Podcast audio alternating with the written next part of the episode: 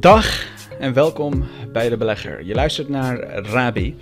En als jij mij een tijdje al volgt, dan weet jij dat ik mijn allereerste video heb gemaakt ongeveer 9 à 10 maanden geleden. En tijdens mijn eerste video heb ik ook een portefeuille-update gegeven. Uh, in de tussentijd heb ik meerdere portefeuille-updates gegeven, maar mijn allereerste video, toen had ik nog 73.000 euro in mijn portefeuille. Inmiddels is dat 140.000 euro geworden. En vandaag gaan we het dus hebben over mijn portefeuille. En mijn portefeuille die maak ik ook um, volledig beschikbaar voor iedereen die wilt zien welke aandelen daarin zitten en uh, hoe het gepresteerd heeft. Want dat is interessant. En het grappige is, toen ik um, negen maanden geleden begon, uh, zag de Giro er natuurlijk heel anders uit. En die 73.000 dat uh, erop zat, was ook heel anders verdeeld. Er zijn best wel wat dingen veranderd, dus daar wil ik het vandaag even over met jullie hebben. Ik wil even wat mijn gedachten delen, wat de aanpassingen zijn die ik sindsdien heb gemaakt. Maar ook wat zijn de dingen die ik gewoon simpelweg geleerd heb. Want je leert met beleggen continu bij. En je leert jezelf beter kennen, maar je leert ook zeker de markt beter kennen. En op die manier kan het zijn dat je strategie ook over de loop van tijd heen verandert. Zeker met zoiets als corona is het gek als, je, als dat niet je wereldbeeld een stukje verandert. En als dat ook niet um, de wereld zelf een stukje verandert in de komende tijd. Dus daar gaan we het vandaag over hebben.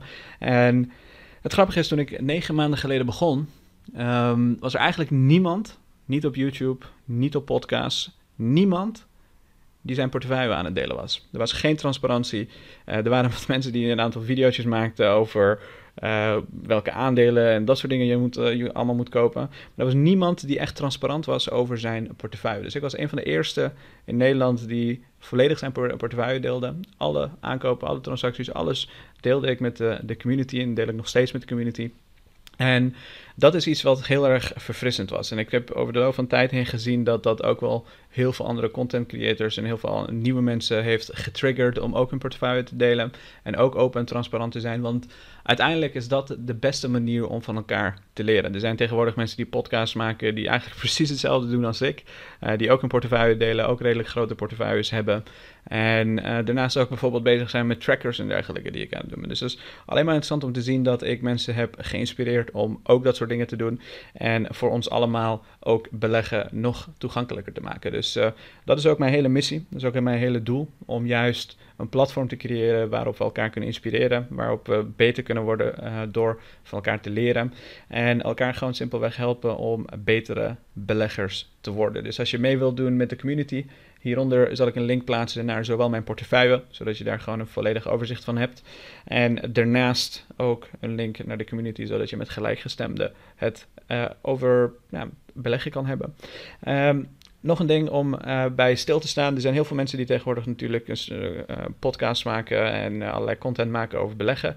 Ik zou wel altijd even stilstaan bij van wie je advies of um, in ieder geval kennis uh, opneemt. Want ik heb een aantal mensen gezien en, en waarvan je zou zeggen, nou, die, die zijn misschien net uh, zelf zes, zeven maanden bezig met beleggen en die gaan content maken over earnings per share en dat soort zaken en doen alsof ze heel veel kennis ervan hebben. Ik zit zelf al acht jaar in de markt en al acht jaar heb ik een beleggingsportefeuille gehad. En mijn vermogen heb ik ook alleen maar opgebouwd door juist te gaan beleggen. Want ik ben niet iemand die een of andere bedrijf heeft verkocht of de luxe heeft gehad van hele rijke ouders of iets dergelijks. Ik kom van een relatief humble background. Um, misschien heb je mijn video's uh, wel eens eerder gezien, maar uh, ik kom van een immigrantenachtergrond. Uh, heel lang geleden zijn mijn ouders vanuit Afghanistan naar Nederland verhuisd. En het was bijna 19 jaar geleden dat ik niet eens Nederlands sprak. Dus uh, um, ik ben niet iemand die het geld dat je hier voor je ziet zomaar erop heeft gestort en uh, het kan veroorloven om uh, heel veel belachelijke veel geld erop te storten. Nee, dit is een portefeuille die ik alleen maar heb opgebouwd door simpelweg te beleggen. Dus hele goede aandelen kiezen over de loop van tijd heen laten groeien.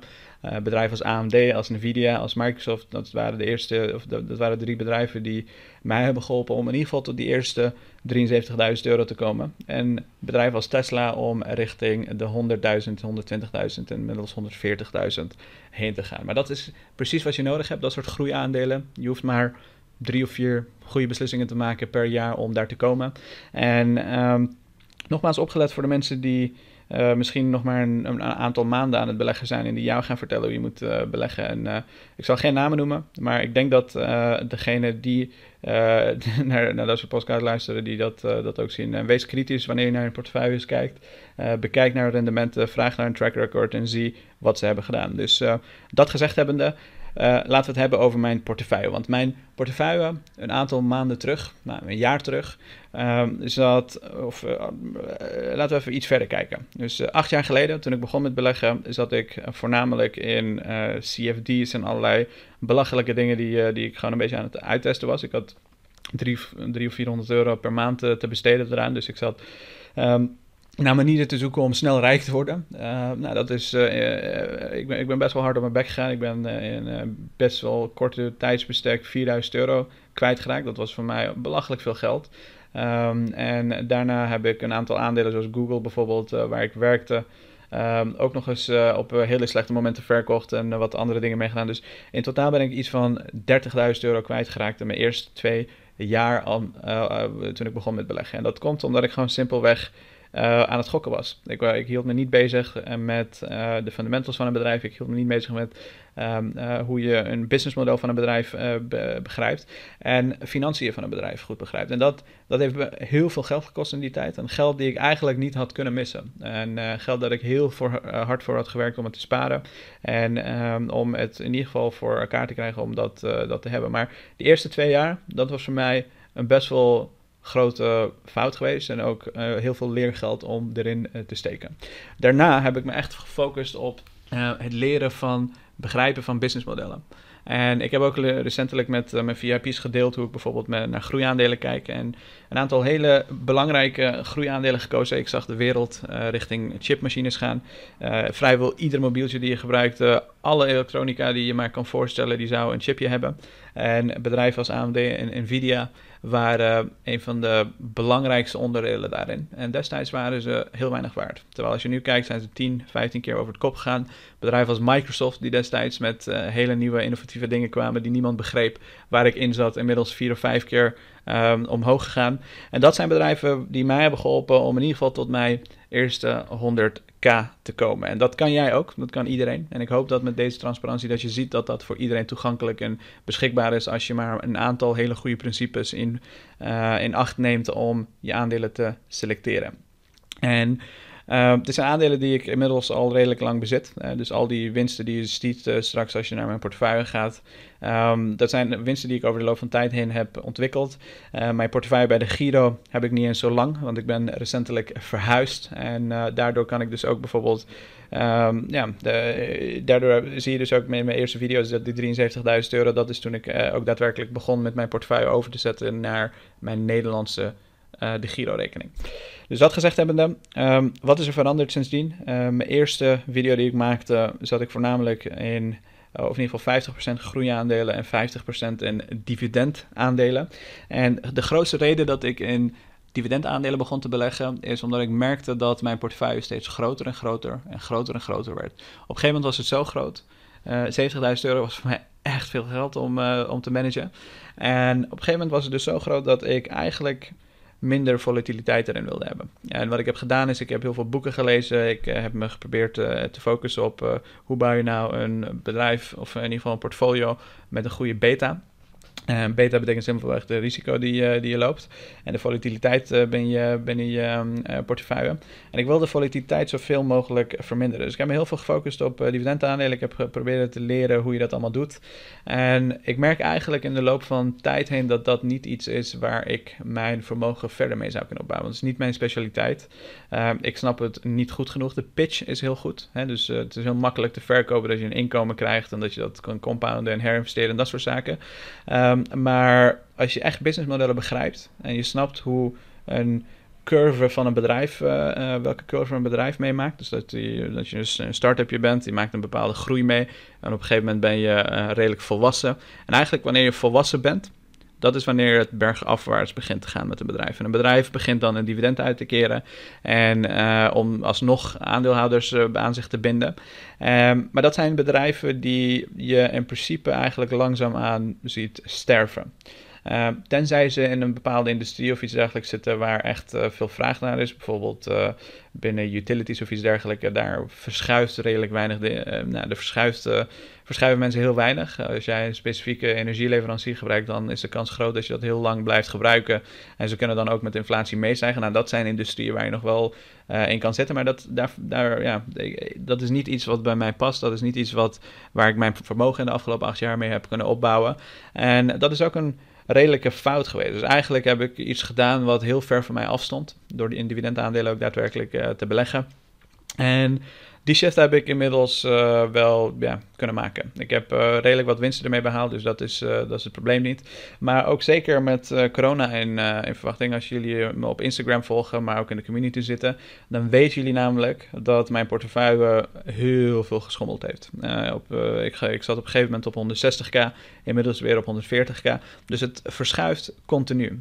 soms sta ik op 60, 70% 70k winst. andere keren weer op 40, 45 dus het is redelijk volatiel. Maar dat is iets wat gewoon simpelweg bij groeiaandelen komt kijken. Ehm, maar dat gezegd hebbende, um, als ik kijk naar de komende 5, 10 en 20 jaar, dan zie ik niet alleen dankzij corona, maar ook gewoon simpelweg uh, uh, de wereld meer richting technologie gaan. Um, ik weet dat er heel veel mensen zijn die zeggen dat er een tech-bubble is en dat er allerlei uh, ver, vergelijkingen worden gemaakt met uh, de, de, jaren 2000. Uh, maar dat, is, dat is niet te vergelijken. Want toen de bust en de boom van de techwereld destijds waren, waren bedrijven die zo belachelijk overgewaardeerd waren, die nog geen enkele euro aan het produceren zijn. Als je het mij vraagt, de bedrijven die nu echt in een bubbel zitten zijn bedrijven als NIO, Nicola, dat soort bedrijven. De EV-bedrijven. Dat, dat is pas echt een bubbel. Uh, die produceren geen enkele auto, maar ze hebben, ze hebben wel een beurswaarde van 40 miljard. Nou, dan weet je dat er iets mis is. Of een bedrijf als Snowflake, die 500 miljoen omzet heeft en 70 miljard waard is. Nou, dat zijn, er zijn zeker aandelen die belachelijk overgewaardeerd zijn en in bubbelterritorie zitten. Um, maar er zijn ook zeker heel veel aandelen die, waar echt een groei in zit, waar echt heel veel cashflows in zitten, waarvan de balansen, waar je u tegen zegt, bedrijven als Amazon, Alphabet en uh, hoeveel cash die hebben, hoeveel cashflow ze genereren, dat zijn... Het is niet te vergelijken met de tech bubble, dus laat je alsjeblieft niet in die uh, uh, narrative mee, meetrekken. Um, maar mijn portefeuille dus, is dus flink veranderd. Ik zie technologie de komende jaren vrijwel iedere sector in industrie beïnvloeden. Vandaar ook dat als je straks kijkt, ik zit best wel veel in tech, maar iedere techbedrijf die ik bezit zit weer in een andere industrie. De een die zit in e-commerce, de andere zit in de fintech-industrie, de andere weer in big data, de andere weer in uh, de maakindustrie, de andere weer in de auto-industrie. Dus eigenlijk zit ik nog steeds best wel goed gediversifieerd over iedere industrie, maar ik heb wel een bedrijf die uh, voorloper is binnen, de, uh, binnen technologie, uh, binnen dat industrie en daar gewoon ook heel goed in is en hele sterke groei in meemaakt. En um, dat is dus ook als ik de komende jaren vooruit kijk, ook als ik met bedrijven spreek vanuit mijn werk, dan merk ik dat er gewoon een ontzettende urgentie is om ook bijvoorbeeld te digitaliseren. En ik denk dat dat een trend gaat worden waar we gewoon heel veel van, uh, van gaan merken. Met corona op de achtergrond moeten bedrijven simpelweg uh, processen creëren die geautomatiseerd zijn, waardoor iedereen vanuit huis kan werken en dat soort zaken. Um, en dat zijn ja, dat zijn trends die niet 1, 2, 3 zullen aflopen. En degene die daar sterk in gaan zijn, degene die daarin gaan winnen, zijn bedrijven die echt een hele goede product hebben gebouwd. Dus een betere muizenval hebben gebouwd dan hun concurrenten.